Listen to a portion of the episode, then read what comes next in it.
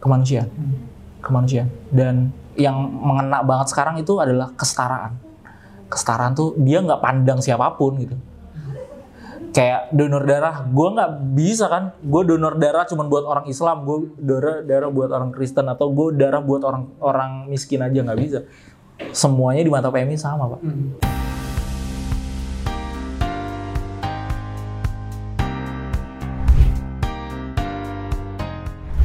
Bertemu tahun 2014 awal, gue inget banget di salah satu restoran fast food di Tangerang Selatan. Dari sana awal pintu masuk melihat memang pada akhirnya apa yang gue lakukan ketika kuliah itu belum ada apa-apanya. Ketika bertemu dengan seorang bapak pada saat itu masih anak satu ya misalnya. Anak satu, anak satu. doang kan. Iya, anak satu. Dulu lu presiden BEM ya? Iya kan presiden BEM kan? Iya, iya. iya. Presiden BEM Universitas UIN. Eh, Universitas UIN Universitas Islam Negeri di Ciputat. Dan pada akhirnya jadi pintu masuk eh, banyak gerakan-gerakan sosial yang kita kerjain bareng, Hmm. ya kan? Gue punya fotonya. Nanti gue setelah Asem. gue setelah TP gue gue tunjukin. Gue masih kurus banget. Pak lu masih kurus. Sekarang sudah punya jabatan di Palang Merah In- Palang Merah Indonesia Jakarta. Iya. Sebagai Eh, ketua bidang anggota dan relawan. ketua bidang anggota dan relawan yang masih ngurusin relawan. Masih ngurusin relawan. Sandi Angger. Jadi sebelum sebelum gue di Pita Kuning, gue kan di sebuah gerakan. Direktur. sebelum gue direkturnya dia direkturnya. Iya, iya. Doyan nyemplungin orang. Iya, iya, iya. iya, iya. Gimana mas sehat mas? Alhamdulillah sehat. Alhamdulillah Sehat, sehat. sehat, sehat, sehat. Kayaknya semakin Semakin berisi ya. Semakin berisi ya. Donor darah kayaknya semakin sehat kayaknya ya. Ah, iya iya, bener. Donor darah itu bikin lu jadi lapar. Makanya kalau Makanya kalau habis donor darah itu ada ada makanan gitu ya. Kasih kasih cemilan-cemilan. Cemilan. Ya paling keinget kan bubur kacang hijau gitu-gitu ya. Iya. Terus mie mie rebus sama telur gitu-gitu. Ya, yang yang bisa menambah protein lah ya. Iya. Berhubungan itu semua di pita kuning juga kalau misalkan tamu di sini kasih jus mas. Oke. Nah jus ini berapa komponen? Berapa komponen? Sah. Dua komponen. Ada dua komponen Oke. buah. Gua pun juga nggak tahu komponennya. Jadi silakan diminum. Eh, silakan ditebak itu buah apa aja. Minum, minum nih. Minum silakan. Gue juga minum karena haus. Hmm. Ya apa ini? Belimbing hijau ya? Belimbing dapur. Nih ada belimbingnya nih. Belimbing. Belimbingnya kuat nih. Belimbing. Kayaknya ada ada alpukatnya. Ada alpukat. Serius, serius. Gue belum pernah coba alpukat. Jambu kayaknya. Enggak. Ini ini ada ada benih-benih hitam ini apa ini gue nggak tahu. Ini katanya bagian dari jusnya. Oh. Apa buah yang ada titik-titik hitam ini? Tapi benar belimbing Jambu, bener ya? belimbing sama jambu kelutuk kayaknya. Belimbing jambu. Apa bener nggak? Belimbing bener nggak? Nah, satu lagi apa? Oh. Kayak gini rasa kiwi. Iya iya, bukan buah lokal, jadi gue nggak ngeh Iya, jadinya. Gue biasa makan makan iya. kelengkeng, Iya. Gue biasa makan juga dulu kecil tuh anggur betawi lu tuh nggak? Apaan anggur betawi? Eh, jamblang. Ih, bener. Gue tahu sih. Iya, itu anggur betawi pak. Jamblang Ja- kan jamblang itu bentuknya kayak anggur kan, hitam-hitam gitu kan. Anggur betawi itu pak. Serius. Oke, ya beginilah kreativitas anak-anak kita kuning karena Yap. kami sukanya minum minuman yang sehat. Ah, Iya, gimana caranya mendampingi anak-anak dengan kanker kalau misalkan teman-teman di sini nggak sehat? Iya iya iya. Berarti di sini nggak ada yang merokok juga dong? Nggak ada yang merokok. Gokil. Terakhir ada rekrutan terbaru, rokok. Ah. Kayaknya berhenti nih sekarang. Anda tahu ya? Oh, oh. iya iya, gue tahu orangnya. Gue tahu kok. Iya, gue tahu. Dia mau ngeluarin rokok di sini juga sungkan. Iya, Karena iya. terbiasa tidak merokok. Iya iya. Oke oke oke. Mantap mantap mantap. Gimana Pak PMI? Uh, apa aktivitas sekarang? Aktivitas sekarang masih eh, ngurusin PMI, ngurusin perdonor darahan, terus aktivitas-aktivitas pelayanan kemanusiaan kayak ambulans dan yang lain-lain. Di PMI sama eh, masih ngurus sekolah. Masih ngurus sekolah. Masih ngurus sekolah. Dengan anak-anaknya itu. Masih sekarang jadi ngurusin lingkungan rumah juga. Kemarin sempat jadi DKM musola. Sekarang. Jadi diminta jadi ketua paguyuban perumahan pak parah pak itu kayak apa ya aneh lah itulah pokoknya pemilihan paling aneh yang pernah gue ikutin itu adalah pemilihan paguyuban perumahan dan sekarang jadi ketua paguyuban perumahan juga. Itu RT masih? Atau beda lagi? Eh, kalau dari sisi jumlah penduduknya harusnya udah cukup untuk jadi RT Hmm. tapi karena itu di perumahan di tengah perkampungan jadi masih ikut di Perumahan klaster ya? eh perumahan Klaster gitu ya? nggak nggak klaster sih rumah subsidi Hmm. perumahan subsidi tapi gay- kesannya apa ya dibikinnya kayak klaster sok-sok klaster gitu lah orang miskin nggak bisa beli rumah dengan itu ya udah dibikin kayak gitu lah jadinya Ini banyak sebenarnya aktivitas yang bakal kita ceritain, yang bakal kita obrolin dan kehidupan Mas Angger juga banyak banget yang gue tunggu-tunggu momen ini banyak pertanyaan yang ada di kepala gue yang kemungkinan dulu cuma bahan bahan guyonan kita bakal bahas Iya. di sini. oke Tapi sebelum ke PMI, lu di media sosial Mas Angger ini Hmm. sering banget bilang PMI itu bukan cuma soal do- soal donor darah. Iya. Nah, coba gua gua sendiri juga taunya PMI donor darah. Iya. Mungkin lu bisa share di sini PMI itu apa? Iya, kalau di Indonesia sendiri eh, PMI itu masuk sebagai alat diplomasi untuk mengabarkan kalau Indonesia udah merdeka. Jadi selang 17 hari pasca 17 Agustus 1945, Soekarno bilang ke Menteri Kesehatan waktu itu, "Eh, ayo dong bikin Perhimpunan Nasional Palang Merah Indonesia karena kita juga kan lagi nyiapin untuk perang-perang mempertahankan kemerdekaan Republik Indonesia gitu ya. Eh, sekaligus untuk mengabarkan ke dunia bahwa Indonesia udah merdeka. Akhirnya eh, tanggal 17 September 45 se- sebulan setelah diproklamirkan kemerdekaan Indonesia, Bung Hatta bilang, "Ya udah gue yang jadi ketuanya Palang Merah Indonesia. Kita berikan per- nama Perhimpunan Nasional Palang Merah ini dengan nama Indonesia agar bisa mengabarkan ke dunia kalau Indonesia udah merdeka." Jadi waktu itu tuh Bung Karno eh, dan Bung Hatta eh, menjadikan PMI itu sebagai alat diplomasi buat dunia, mengabarkan kalau Indonesia ini udah eksis sebagai sebuah negara. Sekaligus tadi untuk membantu eh, apa namanya korban-korban perang karena eh, mungkin nanti akan ada agresi militer dan bener ada agresi militer gitu ya.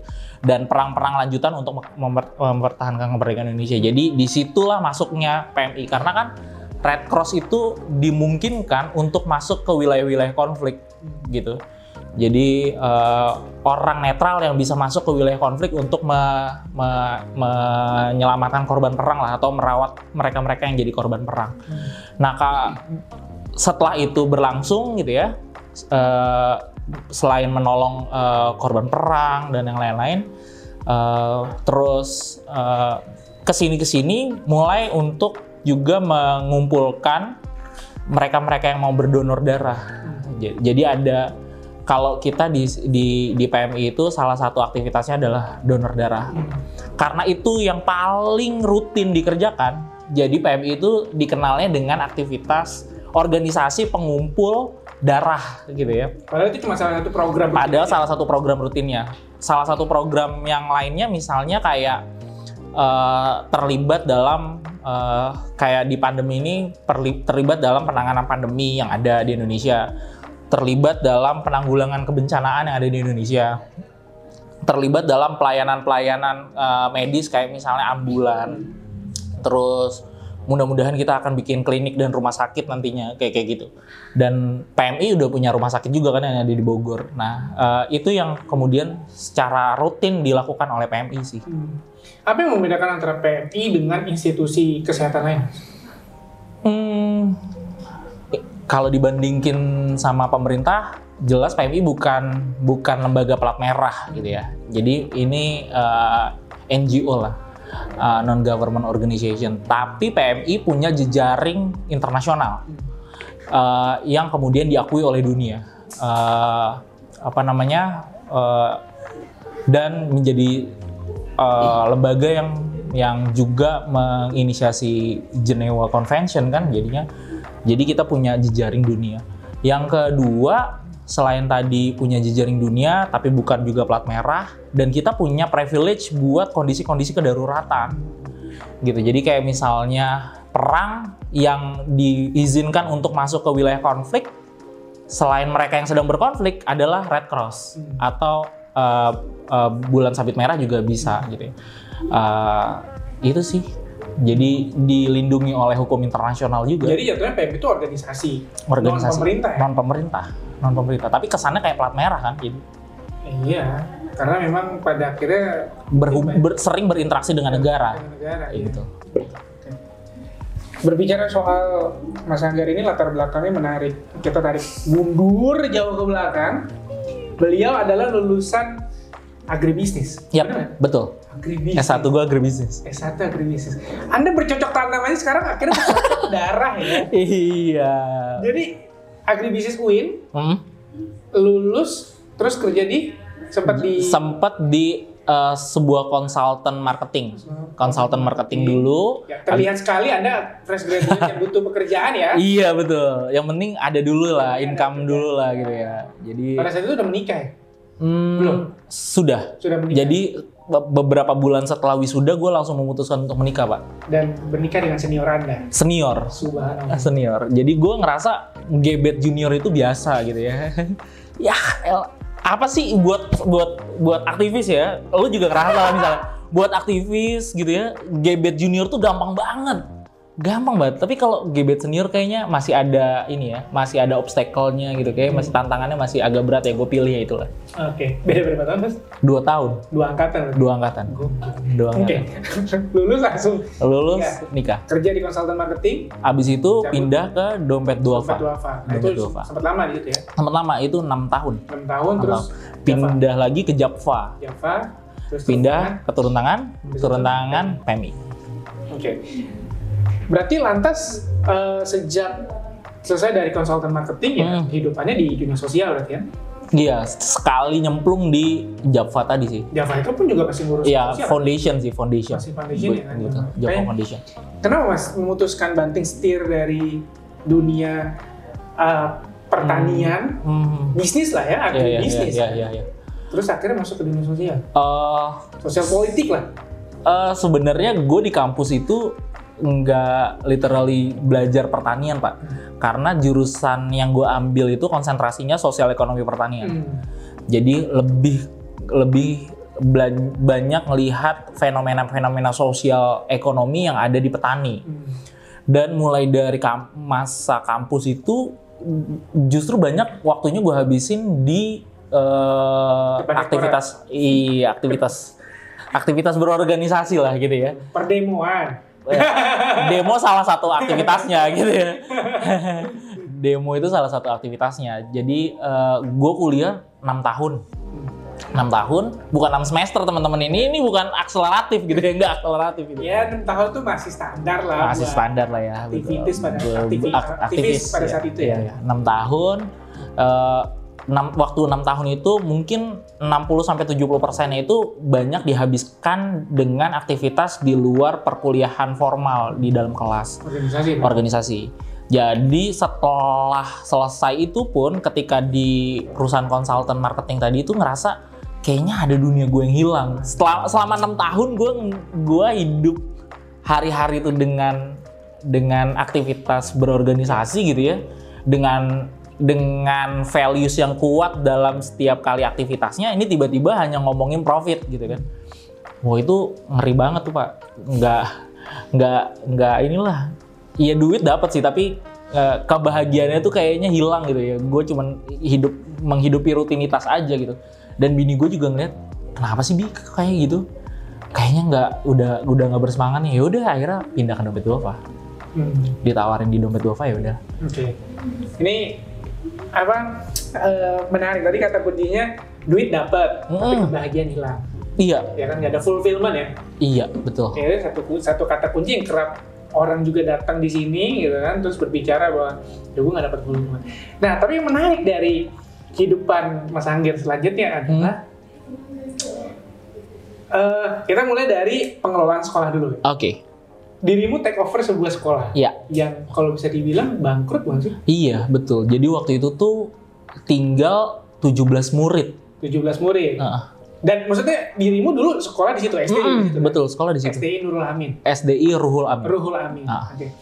Gimana ceritanya mas? Pada akhirnya lu berani mengambil resiko take over sebuah sekolah, sebuah sekolah, lu jadi kepala sekolahnya, lu nyari pendanaannya, ah. sampai sekarang. sampai sekarang. Eh, jadi ini gue kan dulu banyak di kampus tuh aktivismenya eh, temanya pendi- eh, pertanian. Ketika di dompet duafa, gue spesifik ngomongin pendidikan. Nah tiba-tiba dalam beberapa tahun itu gue dapet dapet tiket untuk ngelihat realitas pendidikan ada di eh, yang ada di Indonesia pak. Jadi gue tuh keliling dari Sabang sampai Merauke, dari Sangihe sampai Rote pak. Gue ngeliat banget realitas pendidikan di Indonesia tuh kayak gimana gitu. ya. Jadi mendadak gue ngerasa kayaknya kok Indonesia mundur 20-30 tahun yang lalu ya dari apa yang gue lihat di Jakarta, di Tangsel, di Ciputat gitu-gitu ya. Gue ngerasa, oh kok Indonesia mundur 20-30 tahun yang lalu gitu ya. Eh, Bapak juga pernah lihat lah ya, eh, kondisi pendidikan di Banten yang kita bikin banyak hal di sana. Nah, hal itu tuh ngebuat gue gelisah pak. Serius dah. Ini sampai ngerasa kayaknya kalau gue cuma sekedar jadi penonton di wilayah yang gue sekarang lagi gelisahin, kayaknya nggak akan ini nih. Qadarullahnya eh, sekolah itu tuh membutuhkan bantuan karena ya hanya tinggal nunggu waktu lah sampai itu tutup sekolah karena waktu itu 2015 tinggal 17 siswa, tinggal tiga orang guru. Satu kel- eh, satu guru megang dua kelas. Satu dua, tiga empat, lima enam. Plus itu tiga guru itu termasuk kepala sekolahnya. Hmm. Jadi satu kepala sekolah dua guru. Hmm. Ini udah tinggal tinggal inilah, tinggal eh, apa namanya, tinggal tunggu tutup. Nah, mendadak tuh gue ngerasa kalau gue tawarin gimana ya untuk gue yang ngelola. Karena toh ini juga akan tutup gitu ya. Jadi gue ngerasa nating tulus aja kalau tutup di masa gue ya nggak ma- nggak masalah juga. Orang udah mau tutup juga gitu. Tapi kalau misal masih bertahan sampai eh, kalau masih bisa gue selamatin, gue selamatin. Gitu. Kebetulan juga waktu itu 2015 kita lagi ngerja eh, lagi aktif banget ngebikin Banten mengajar, inget gak? Ya. Nah, gue ngerasa kita punya resources orang nih. Terus ada tempat yang butuh orang baru untuk bikin inovasi pendekatan di pendidikannya. Udah, Bismillah, eh, bilang ke istri gue, Mi, eh, coba ini ya, coba bangun sekolah ini ya. Bini gue cuma bilang, jangan macem-macem dah gitu ya. Gaji lu sebagai amil tuh berapa gitu kan? Buat buat ngidupin keluarga aja masih Senin Kemis gitu kan. Jadi amil zakat itu. Ini mau mau mau ngelola sekolah, duitnya operasionalnya gede, gaji orang dan segala macam gitu ya. Terus waktu itu gue inget tuh ngobrol sama teman-teman, termasuk lu juga kayaknya. Eh, gimana kalau kita bikin sekolah dan teman-teman bilang, ya udah apa yang bisa gue bantu. Makanya waktu itu bikin kakak wali murid tuh, yang teman-teman tuh iuran buat bantuin operasional sekolah. Ya udah, sampai hari itu dijalanin. Oh iya satu lagi, operasional awalnya gue minjem mas kawin bini gue. Jadi teman-teman ini jangan ditiru ya. Ya, Mas kawin bi- jadi bentuk perjuangan itu minjem gue minjem mas kawinnya deh gitu Itu buat gue yang gade Digadai. digade digade dan baru gue tebus tuh dua tahun yang lalu pak Masya Allah. Itu apa sih? Cincin. cincin cincin gelang kalung Yang notabene itu pemberian dari lu ketika iya menikah. nikah gue gadein dan baru gue tebus dua tahun yang lalu itu pun umi mertua gue yang nebus dia nggak tega gitu ngeliat gue ah, mungkin sama istri gue gitu. Dapat berapa Pak digadai kalau boleh tahu? sembilan waktu itu Sembilan sembilan juta. iya sembilan juta Tentu 9 juta itu angka yang kecil untuk sebuah operasional sekolah. kecil kecil tapi itu cukup untuk modal awal ngelengkapin beberapa keperluan sekolah plus eh, gaji, nambahin gaji guru dikit di awal gitu Oke. habis itu kan teman-teman bantuin. Lewat kakak wali murid donasi dan yang lain-lain. Bantuin tuh. Terus ternyata eh, diurus setahun kita juga dapat dana bos. Oh ya udah. Mulai bisa agak lowong dikit lah. Tapi tetap aja tiap bulan itu ada zakat lah, zakat yang gue keluarin. Padahal gue belum masuk wajib zakat waktu itu. Jadi ada ada ada gaji yang gue yang gue sama istri sepakati untuk kita taruh di sekolah gitu. Dan itu cukup. Cukup sampai sekarang cukup walaupun telat-telat gajinya pak. Hmm. Iya gitu. Gue gak akan tiba di pertanyaan pamungkas soal apa yang dia cari, Hmm. tapi karena masih banyak kegilaan. Iya, Salah iya. satunya yang gue ingat adalah lu juga jual handphone waktu itu Iya, buat gaji guru iya. dan bentuknya lelang. Betul lelang? Betul. Ah, Tuh, ada satu jokes di antara circle kami, antara gue dan Mas Angger adalah kami ingin mendapatkan jodoh seperti istrinya Mas Angger. iya, iya, iya. Sabar banget loh Pak, istri Anda itu. Iya, iya, iya, iya, iya, Itu betul, lu jual handphone terus dapat berapa waktu itu? Dapat 3 juta.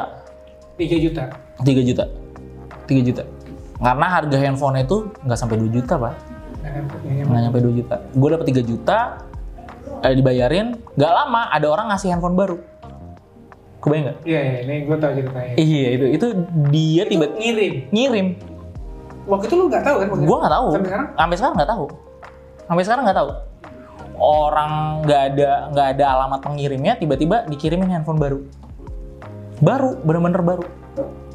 Dan secara spek dan merek lebih bagus daripada yang lama. Lebih bagus, lebih bagus. Mungkin waktu itu harga handphonenya dua setengah juta kali ya, dua setengah juta kali. ya. Ya tentu nggak bisa dilihat dari nilai. kan? Iya betul. Ya lu di, tinggal di sebuah kota metropolitan di pinggiran Jakarta dengan sebuah Betul. proses kebaikan seperti itu juga orang Betul. akan nggak percaya ini apa cerita sebuah sinetron atau Iya, apa. iya, iya, iya. Dan kami terbiasa jual beberapa eh, aset kami. Misalnya kayak kemarin tuh sepeda, Pak. Bentar, bentar. Oh iya. iya. Anda jangan nyebut kami ya. Kami tuh gua sama istri gua Is- maksudnya. istri Anda benar gue. Anda berhak berani-berani bilang kami kan dengan kapasitas me- me- me- apa namanya mengajak istri Anda atau jangan-jangan Iya, iya, cuma ide gilanya dari Mas Angger tapi istrinya yang mau berkata apa gitu saya udah gila duluan Iya, dia cenderung pasrah sih, Pak. ya udahlah ya. Aduh, gue udah punya anak lagi sama nih orang gitu. Gak bisa ngapa-ngapain lagi. Cloningannya ada tiga lagi, Iya, kan? Pak. Ya. terakhir sepeda buat apa Sepeda. Sama buat operasional. Waktu itu kita lagi nyiapin untuk pembelajaran tatap muka, gue inget banget. Jadi pasca pandemi Iya, jadi sebelum kemarin bulan sebelum waktu Mei, gue ingat banget Mei itu kan kita udah mulai oke gitu ya, tiba-tiba naik lagi gitu ya. Nah sebelum naik itu kita tuh di Tangerang Selatan udah dapat edaran untuk siap-siap pembukaan eh, sekolah. Nah syarat untuk membuka sekolah itu dengan banyak syarat lah. Misalnya nyiapin ini itu dan segala macam segala macam gitu. Waktu itu eh, ada keterlambatan pencairan dana bos. Eh, terus eh, you know lah donasi donasi donasi buat eh, gue nggak tahu ya di di pita kuning gimana trennya tapi donasi di di sekolah itu drop banget. Orang karena kan gue udah udah memang ngumpulin orang-orang yang punya donasinya kecil-kecil gitu ya. 50 100 ribu lah gitu. Nah tiba-tiba mereka nggak nggak mengirimkan donasi mungkin karena juga kondisinya lagi sulit. Gue juga nggak tega untuk ngingetin ayo dong donasi gitu. Ya udah eh, kondisinya lagi lagi nggak memungkinkan ya ada sepeda di rumah ya jual aja dulu lah. Nanti juga dapat lagi gitu pikir gue toh sepeda itu dipakai seminggu sekali doang kan? Atau seminggu dua kali kalau gue lagi lagi pengen banget main sepeda gitu. Ya udahlah jual aja dulu lah gitu pak. Jadi kami terbiasa dengan menjual barang untuk kegiatan-kegiatan gitu. Ka- tapi dapat lagi gitu. Gue nggak tahu ceritanya gimana dapat lagi. Gitu sih. Dapat lagi serius dapat lagi. Enggak yang yang gue nggak habis pikir adalah bagaimana perasaan istri lu Waduh, gue nggak pernah nanya sih. Tapi dia kalau ditanya masih cinta sama gue masih gitu pak. Buktinya punya anak tiga sekarang. gue gue nggak, iya, Ya maksudnya pernah nggak sih ada diskusi intim antara Iya, iya. kalian berdua terkait dengan apa sih namanya Abi Umi ya, Ubi Abi ya? Abi sama Ami. Ab- Abi sama Ami. Bi, sebenarnya Abi tuh gimana sih dengan keluarga ini? Sebenarnya mau sampai kapan atau Hmm. Kenapa sih harus seperti ini? Apakah kita akan terus menjalani seperti atau Hmm. apa mungkin pernah terjadi gitu mas? Eh, pernah. Biasanya kita ngobrol intensif gitu di masa-masa gua mulai dilihat goyang sama dia. Kayak misalnya waktu di Java. Eh, eh nggak apa-apa kan nyebut ya? Gak apa-apa. nggak apa-apa. Eh, di Java itu gue udah mulai goyang pak karena eh, walaupun ngurusin ngurusin foundationnya gitu ya tapi gue ngerasa gue nggak cocok sama valuesnya nih gitu. Hmm. jadi di masa probationnya itu aja gue udah udah goyang gitu lah sampai bini gue ngajak ngobrol kenapa memangnya Eh, ya gue bilang secara penghasilan gue pengen memperbaiki penghasilan keluarga kita Hmm. tapi dari sisi kebahagiaan gue beraktivitas itu hilang gue bilang gitu justru malah dia yang bilang ya udah resign aja gitu saya baik-baik aja gitu dengan dia bilang saya baik-baik aja dengan cara hidup kita selama ini gitu. Toh baik. Pak kalau bapak lihat istri saya pak dia tuh nggak pernah pakai perhiasan pak. Ya ya. Bener bener itu valid beneran. nggak pernah pakai perhiasan. Nggak ada perhiasan misalnya anting gitu terus cincin gelang kalung. Dia nggak pernah pakai itu pak? Itu itu itu bisa gue konfirm. Bahkan waktu itu gue pernah kondangan juga sama kalian ya istri juga nggak pernah. nggak pernah pakai cincin apa apa pak. Salah satu satu satunya aksesoris kita tuh ya paling kayak gini gitu ya. Ya smartwatch smartwatch eh, ratusan ribu lah gitu ya. Ya udah gitu sama handphone. Dia baik-baik aja dengan cara cara hidup itu. Paling gue yang agak agak nggak enak hati sama mertua gue sih jadinya Tapi mer- mertua pernah eh, turut andil, turut campur dalam dalam hubungan apa, Enggak, apa keluarga. enggak enggak Berarti yang benar-benar dibebaskan. benar-benar bebas gitu ya dia hanya mantau aja lah oh anak anak anak anaknya baik-baik aja Hmm. anaknya sehat-sehat aja gitu Iya maksudnya udah bisa bertanggung jawab terhadap apa yang putusan Iya. yang diambil gitu. iya Eh, Justru malah jadi istri lu yang menguatkan ya. iya justru istri gua pak yang nguatin karena dia kan backgroundnya aktivis juga kan? Hmm. jadi waktu gua jadi menteri itu dia jadi bendahara pak. Di di BEM. di BEM jadi sebelum dia lah yang ospek dia lah yang ospek gua dan segala macam jadi dia lumayan paham lah lumayan tahu lah gimana gimana pilihan gua gitu ya. Waktu gua milih eh, running di presiden BEM gitu, gitu terus waktu gua ikutan di organ ekstra kampus di ikatan senat mahasiswa pertanian kayak kayak gitu dia udah paham banget lah Oke, itu mudah mungkin kita menjelaskan ke seorang yang punya pemikiran yang sudah dewasa. Hmm. Lalu bagaimana cara lu menjelaskan ke anak?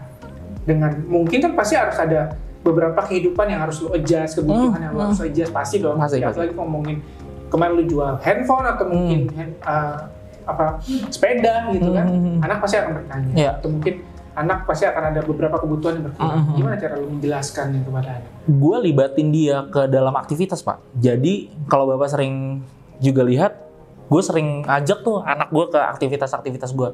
Kayak misalnya ada aktivitas eh, kerelawanan gitu ya, gue sering ajak segala macam. Dia ke acara-acara PMI gue sering ajak. Kenapa? Karena gue pengen dia ngerasain apa yang sebenarnya gue sedang jalanin gitu.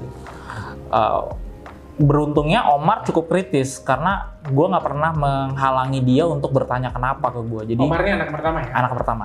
Uh, karena kalau anak kedua itu kan baru tiga setengah tahun ya, Yes. Oh, jadi masih. Omar berapa tahun?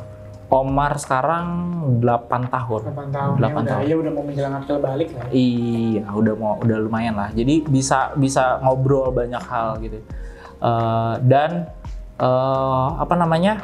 Kayaknya uh, dan gua nggak ini pak, gua nggak bikin perubahan yang signifikan dari apa yang didapat sama Omar dari mulai dia uh, kecil sampai sekarang. Jadi gue tuh nggak nggak berubah. Misalnya gini, uh, sekolah, gue berusaha untuk untuk bisa nyekolahin Omar di sekolah yang kita anggap pas, walaupun biayanya agak mahal misalnya. Terus misalnya eh, kebutuhan-kebutuhan dia itu yang primer itu gue nggak kurangin. Tapi memang ada beberapa kebutuhan, misalnya kayak anak sekarang tuh apa ya? Butuh update handphone gitu, gua itu nggak bisa gitu. Ya, lu pakai aja handphone bekas kita gitu. yang yang sederhana gitu gitu paling kayak gitu Tapi pernah timbul ada pertanyaan dari anak lo soal Ada. Soal ah, Bigo begini, Bigo Hmm, enggak sih, paling dia nanya, kok sepeda Abi dijual gitu kan. Iya, sepeda Abi dijual buat nambahin biaya sekolah uh, di SD misalnya gitu. Ya udah dia hanya oh ya udah. Gitu. Hmm. Terus gimana dengan yang anak kedua? Anak kedua mah santai, Pak. Anak kedua kan belum apa belum apa-apa ya. Belum paham. Belum paham apa-apa ya. Belum apa-apa. Gitu. Ini menarik men- menilik keluarga Bapak Andi ini karena Aduh. kalau bisa dibilang gue ikut dia dari ya belum apa-apa Mas Anggir ini ya lu zaman waktu itu masih tinggal bareng Iya, Nyokap lo? nyokap, iya masih tinggal di Rempoa ya. masih di. Rempoa terus kadang juga ke Mampang Iya, ya betul, kan? betul. Mampang, terus sekarang sudah tinggal rumah sendiri di Bogor Iya, ya kan? di betul. Kemang ya di Kemang Bogor Di Kemang Bogor. terus sekarang sudah punya ya punya posisi lah yang cukup baik di sebuah NGO yang internasional tapi tidak ada yang berubah karena sekarang juga dia banyak banyak sekali seperti ini bintang tamu kita Mas Kosin itu juga mengikubasi ya, mendampingi banyak gerakan. ARS juga salah satunya kan Ya. Anda ketuanya ya? Ketua yayasan, Yayasan, ketua yayasannya si Kayak- iya, ARS ya. Iya, ketua yayasan. Betul. Ketua yayasan, Pak. Ya, sekarang timbul pertanyaannya. Jadi Mas Angker cari apa, Mas? gini, gue waktu itu kalau di jadi dompet duafa itu menurut gue kampus kampus terbaik lah buat gue. Jadi bukan UIN sebenarnya. UIN itu lebih ke eh, dialektika, keberanian gitu-gitu ya. Hmm. Tapi kalau ngomong empati, dompet duafa tuh ngajarin gue soal empati itu pak. Jadi tuh di dompet duafa gue ngerasa sadar bahwa eh, tujuan gue hidup itu bukan untuk memenuhi semua kebutuhan hidup, tapi tujuan hidup gue ini untuk memenuhi semua kebutuhan mati gue. Gitu. Jadi eh, kayak kayak ini lagi jalan nih di dunia ini cuman kayak shelter gitu aja pemberhentian sementara nanti ada pemberhentian lanjutannya nah ini agak agak ini sih agak religius kalau gue ngomong gini Eh, 1400 tahun yang lalu tuh eh, orang yang gue percaya eh, membawa risalah Tuhan itu dia bilang gini pak sebaik-baik manusia adalah manusia yang punya manfaat buat orang lain. Nah waktu itu tuh gue cuma ngerasa oh ya udahlah gue punya manfaat gue dianggap baik itu selesai gitu ya. Tapi eh suatu waktu di depan gerbang masuknya dompet duafa itu dipajang quotes dari seorang ulama yang bilang gini ulamanya namanya Kiai Sal Mahfuz dia bilang gini menjadi baik itu mudah dengan hanya diam yang nampak adalah kebaikan. Yang sulit itu adalah menjadi bermanfaat karena bermanfaat itu butuh perjuangan. Gue jadi jadi ngerasa iya ya sesuatu yang bermanfaat itu nggak mudah karena butuh perjuangan. Butuh sesuatu hal yang lu korbanin. Lu butuh lu butuh ngorbanin sesuatu yang namanya perjuangan itu kan nggak ada yang mudah ya. Lu butuh ngorbanin waktu ngorbanin tenaga ngorbanin harta ngorbanin keluarga bahkan ngorbanin nyawa gitu ya untuk sebuah konteks perjuangan. Makanya lu bisa jadi orang yang bermanfaat. Nah kalau kaitannya tadi lu bilang cari apa gua nyari hal-hal aktivitas aktivitas-aktivitas yang bisa gua bermanfaat pak di situ. Hmm. karena dengan gue bermanfaat mudah-mudahan gue punya bekal yang cukup pasca gue hidup gitu gitu. Jadi gue ngerasa ketika misalnya taruhlah apa yang gue dapat hari ini mungkin kalau di compare kan kalau kita suka ngebandingin ya pak sama teman sejawat sama sama sama rekan-rekan aktivis misalnya sama teman-teman gerakan atau teman-teman teman kampus. Kalau dibandingin ya mungkin apa yang dia dapat eh, secara material gitu ya gue kalah jauh gitu ya tapi gue sama istri itu nggak nggak khawatir soal itu gitu. Justru yang kita khawatirin itu adalah kalau kita nggak punya bekal kebermanfaatan itu pak gue takut itu. Gitu sih. Ah, ah, gue jadi kayak ustadz ya. Ini mentang-mentang berjenggot gitu ya. Ini sebuah tamparan ya buat buat eh, semua penggerak lah khususnya eh, yang memang masih bergerak dengan alasan-alasan idealis gitu Hmm. mau berubah bangsa mau berubah ini mau Mhm. berubah ini cuma kita kembali ke fitrah pada Hmm. akhirnya memang ya benar kata Iya. Dolan ini cuma shelter sementara Iya. Lu butuh bekal yang cukup, Pak. Karena lu nggak bisa balik lagi ke shelter shelternya gitu. Kalau udah sampai terminal akhir, lu nggak bisa balik lagi ke shelternya gitu. Kalau di masih di dunia kan enak aja ya udah sampai terminal, aduh ada ketinggalan gue balik lagi ke shelternya lah gitu. Nah ini ya udah mumpung gue masih di shelter ya gue ngelakuin banyak hal dulu lah gitu. Ya, karena kehidupan ini hanyalah perjalanan satu arah Iya, gitu pak. Gue tak gue takut nggak punya apa-apa aja nanti. Gitu sih. gue jadi penasaran Hmm. uh, value apa yang lu tanamkan ke keluarga terusus ke anak lu karena kan anak itu adalah penerus lu nanti selanjutnya Hmm. dengan cara pikir lu seperti ini gue men- apa tertarik dengan apa yang lu tanamkan ke mereka Hmm. Values-nya sebenarnya saat kalau gue ada periode values gitu ya. Hmm. Karena sekarang anak gue masih pada kecil-kecil. Jadi satu yang selalu mungkin ini gue juga ingetin ke istri gue gitu. Karena kita kadang nggak sabaran nanamin uh, kebiasaan jadi pembelajar. Jadi eh, s- apa ya? Kadang kan kita selalu ini ya, selalu pengen anak kita tuh berprestasi dan bisa dibanggakan cepet-cepetan gitu-gitu ya. Kayak misalnya gini, eh, bisa baca. Itu tuh banyak banget orang tua yang punya obsesi sama anaknya untuk anaknya bisa baca di, dengan waktu yang cepat, umur 4 tahun masuk bimba dan segala macem lalala, gitu ya. Ta- sa- Tapi sampai akhirnya dia ngerasa belajar itu menjadi sesuatu hal yang membosankan. Karena itu kayak kompetisi gitu, cepet-cepetan. Eh, sedangkan gue pengennya tuh, nih anak gue itu punya kesenangan sama proses belajar.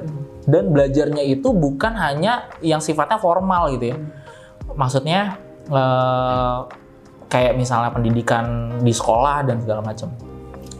Jadi gue sama istri tuh selalu saling ngingetin bahwa yang harus sekarang kita tanemin itu adalah nilai pembelajarnya. Apa pun apa pun materinya, soal keagamaan kah atau soal keilmuan umum kah atau yang lain-lain ya yang harus diambil itu adalah proses pembelajarannya gitu, belajarnya gitu. Misalnya gini, gue sama istri tuh aneh pak. Waktu itu kita hampir aja homeschooling. Gue ini adalah orang yang gak percaya sama pendidikan, walaupun gue punya sekolah gitu ya. bahkan lu nggak berani menyekolahkan anak lu ke sekolah, sekolah lu Nggak. sendiri Nggak, nggak. kenapa tuh Pertama soal jarak, Oh, jauh karena ya? kan jauh kan. Yang kedua, eh, gue nggak terlalu percaya sama pendidikan formal pak sekarang pak. Hmm. Ham, bukan hampir nggak percaya deh kalau mau dibilang bilang nggak percaya 100%. Hampir nggak percaya sama yang pendidikan formal karena menurut gue tuh banyak hal yang seharusnya nggak dilakukan sama pendidikan formal itu dilakukan sama pendidikan formal sekarang pak. contohnya Korupsi. Nih. Bukan jadi rahasia umum kalau lembaga pendidikan formal hari ini ada perilaku koruptif di dalamnya. Banyak lah. Bapak mungkin engeh waktu cerita akreditasi gue ya. Iya, iya. Eh, itu nggak usah diceritain lah ya. itu salah satunya gitu ya. Eh, terus eh, sekarang tuh eh, orang dianggap berprestasi dalam mengelola sekolah itu kalau muridnya banyak. Hmm. Hanya karena itu pak. Padahal menurut gue murid itu bukan prestasi, murid itu amanah gitu. Justru yang harus diukur itu adalah gimana tuh anak bisa bisa bisa punya kemauan untuk belajar gitu ya.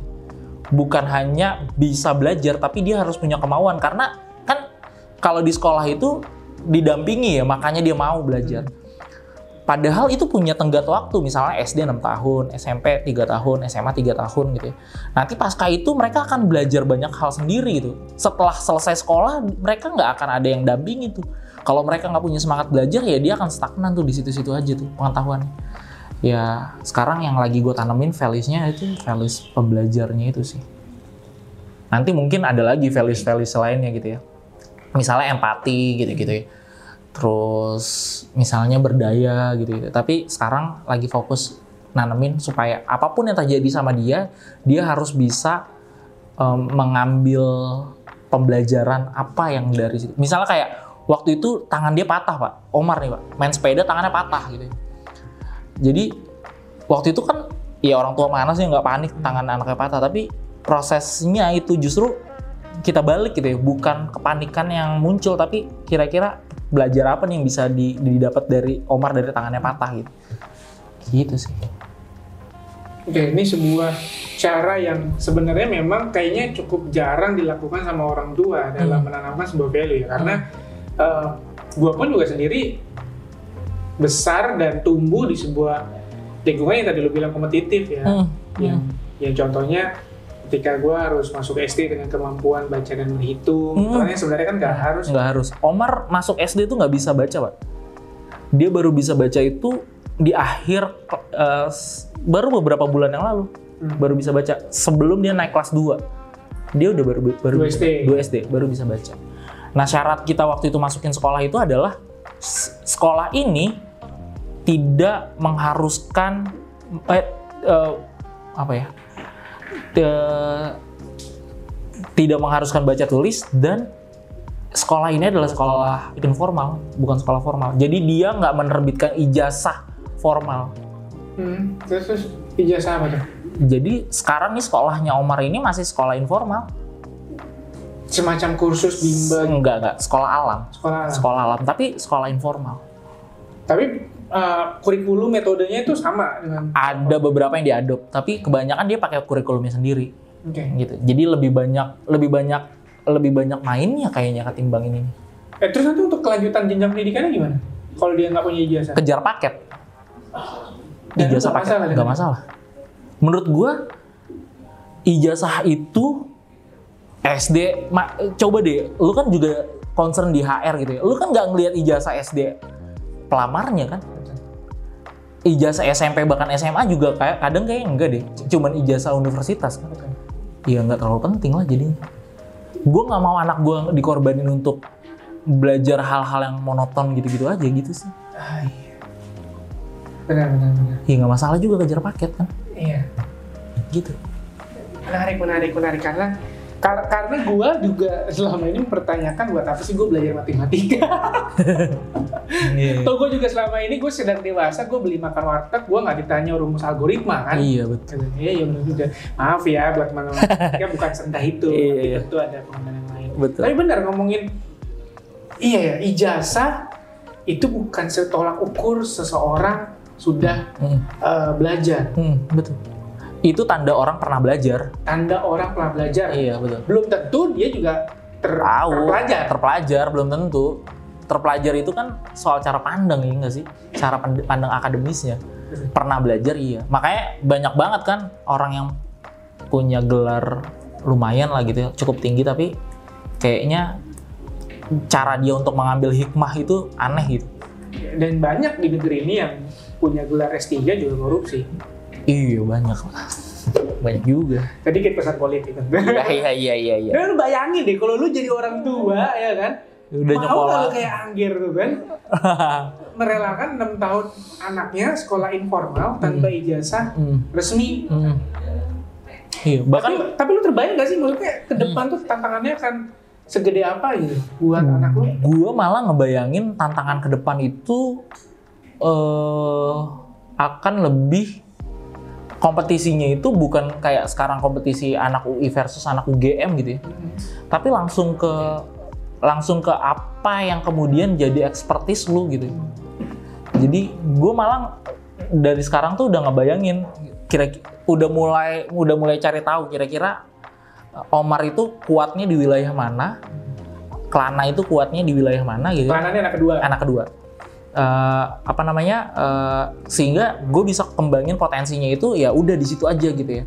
Nggak perlu nggak perlu apa ya nggak perlu dia tahu banyak hal tapi cuman setengah-setengah lebih baik tahu satu dua hal tapi mendalam gitu. Gue ngebayanginnya gitu. Jadi kayak SD ini kan lu harus tahu banyak hal SMP lu harus tahu banyak hal SMA lu harus tahu banyak hal bahkan di perguruan tinggi juga lu harus tahu banyak hal baru di semester semester akhir aja spesifik gitu ya padahal eh lu akan dihargai ketika lu punya expertise ya nggak sih? Gitu. gue Ketimbang. melihat melihat lu sebagai seorang yang sedang menyeimbangkan antara kebaikan untuk masyarakat, Hmm. society, dan juga kebaikan untuk keluarga lu sendiri. Ketika Hmm. memang lu mau dibikin skala prioritas, yang mana yang akan jadi top of mind? Eh, tentu keluarga ya pak. Karena eh, menurut gue dari keluarga yang eh, kokoh gitu ya, maka lu akan bisa membangun society lu. Gitu. Gue percaya banget membangun society itu dari sesuatu yang kecil. Makanya gue di sekolah gue tuh pak, sekolah ini kan untuk anak yang kurang beruntung secara ekonomi. Dan by the way, ini sekolah ini gratis kan? Gratis. Gratis. Gratis. Nah, syarat oh, oh, anak itu sekolah di sana adalah orang tuanya mau belajar. Hmm.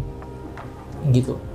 Kenapa orang tuanya harus mau belajar? Karena menurut gua perubahan itu nggak muncul dari si anaknya di rumah, tapi perubahan itu muncul dari si orang tuanya. Karena anak tuh, apalagi anaknya masih masih SD ya, anak itu akan cenderung nurut apa yang dibikin, didesain sama orang tuanya. Jadi menurut gua yang harus banyak belajar tuh orang tuanya justru untuk untuk kelas kelas ekonomi yang kurang beruntung gitu ya. Ya mereka yang harus belajar. Jadi eh, dan kalau kita mau ngebangun itu ya dari dari fondasinya dari keluarga dari dari dari partikel yang paling kecil gitu ya. Dari society yang paling kecil itu keluarga. Jadi kalau lu kalau tadi lu tanya mau milih yang mana gitu ya, eh, keluarga dulu atau masyarakat, gue akan milih keluarga dulu gitu ya. Karena dari keluarga gue kemudian yang yang udah aman nih baru ke luar gitu.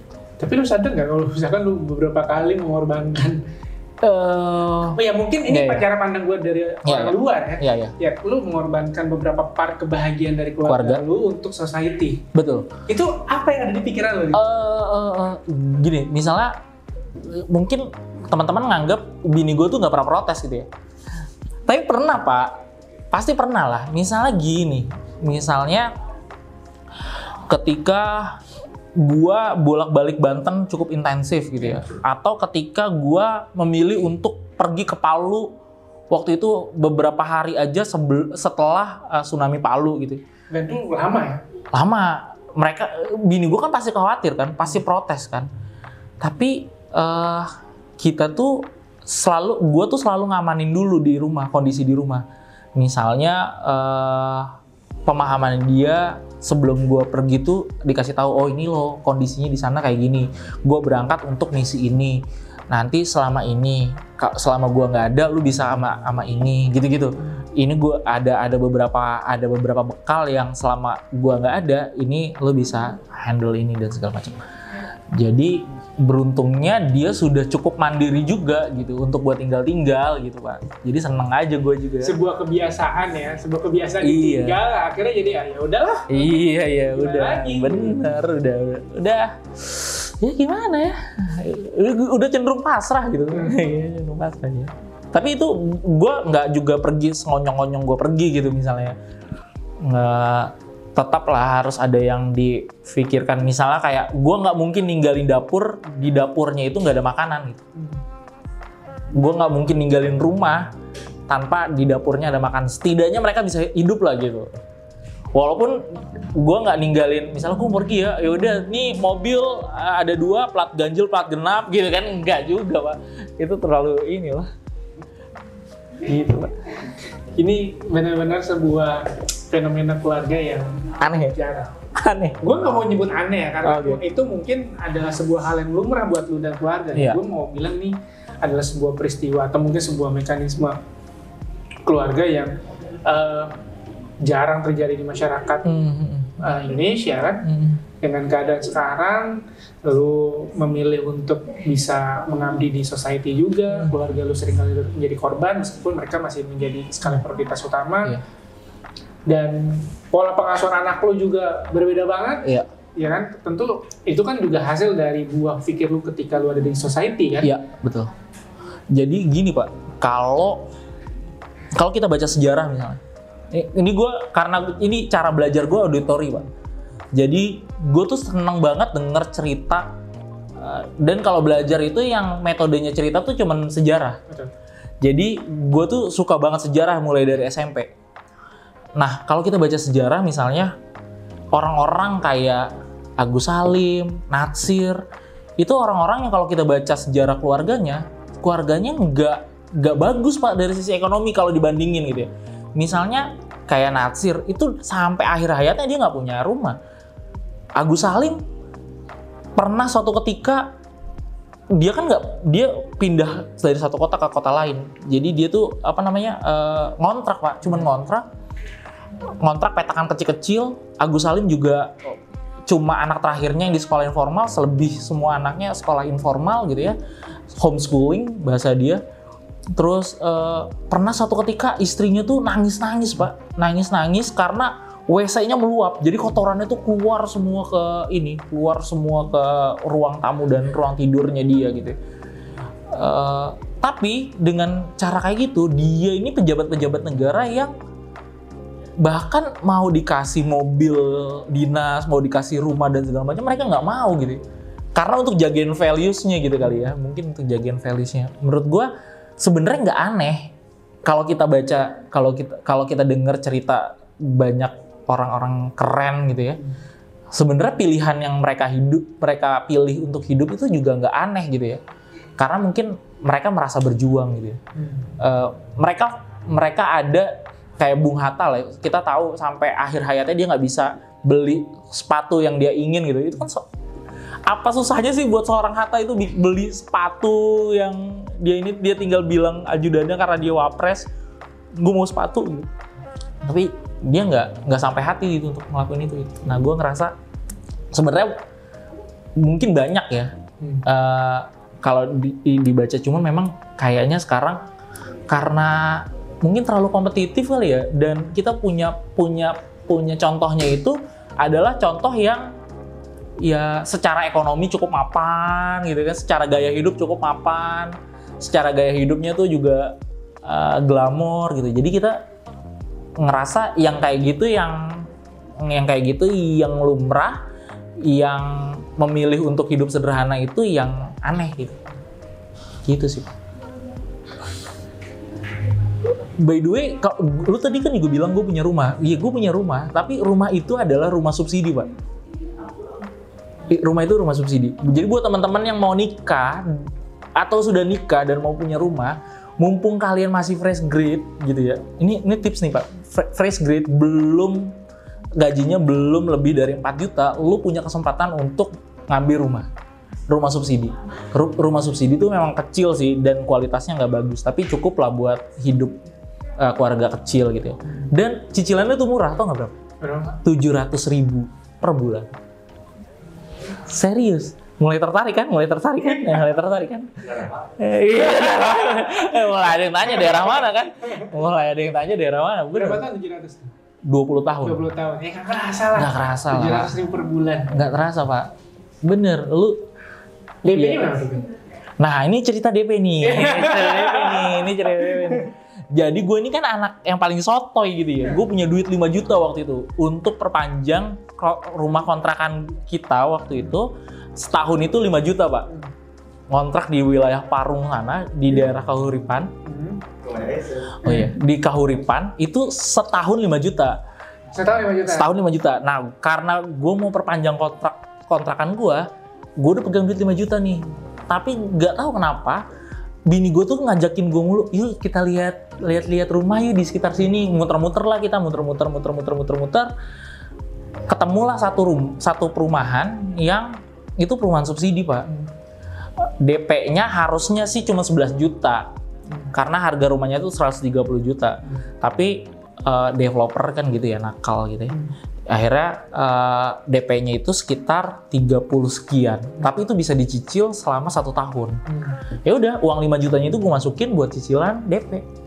Habis itu kita nyari apa lagi? Oh iya, kayaknya tas duter gue nih udah nggak kepake nih gitu ya. Udah jual. Oh ini kayaknya gear-gear naik gunung gue lumayan nih ya jual gitu. Yang kita nggak kepake lagi gitu. Udah jual-jual beberapa jersey, udah jual-jual, dapat. Terus orang tua kita, eh, orang tua eh, mertua gue bilang, Umi udah punya ini nih, punya apa namanya, punya nazar. Kalau lo pada mau beli rumah Umi bantuin. Umi bantuin DP-nya lah dikit gitu. Udah.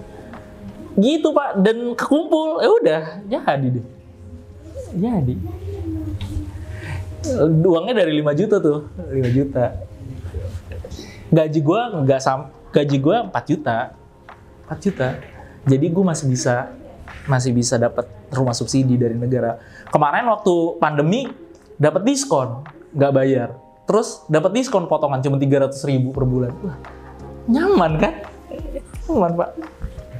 Punya rumah punya. Kalau tanya mertua punya rumah nggak punya udah ada rumah Ini emang dasar ya kalau namanya orang baik tuh selalu akan ada jalan baik juga Iya, untuk iya. keluarga. amin amin amin Dan ini yang membuat lu sekarang juga bahagia di PMI. bahagia pak bahagia bahagia maksudnya pilihan pilihan yang sekarang itu eh, ngebuat gua punya ruang banyak ruang untuk melakukan banyak hal yang bisa bermanfaat Eh, kan seperti yang diajarkan sama mentor kita lah kalau bi- ya ya ya. Kita kalau milih profesi itu setidaknya ada tiga hal kan? Memungkinkan secara intelektual tumbuh memungkinkan secara ekonomi itu baik terus memungkinkan kita bisa punya dampak. Ya sekarang gue bahagia sih bahagia banget. Hmm. Apa value yang sama antara PMI dan lu? kemanusiaan. Kemanusiaan kemanusiaan. Dan yang mengena banget sekarang itu adalah kesetaraan.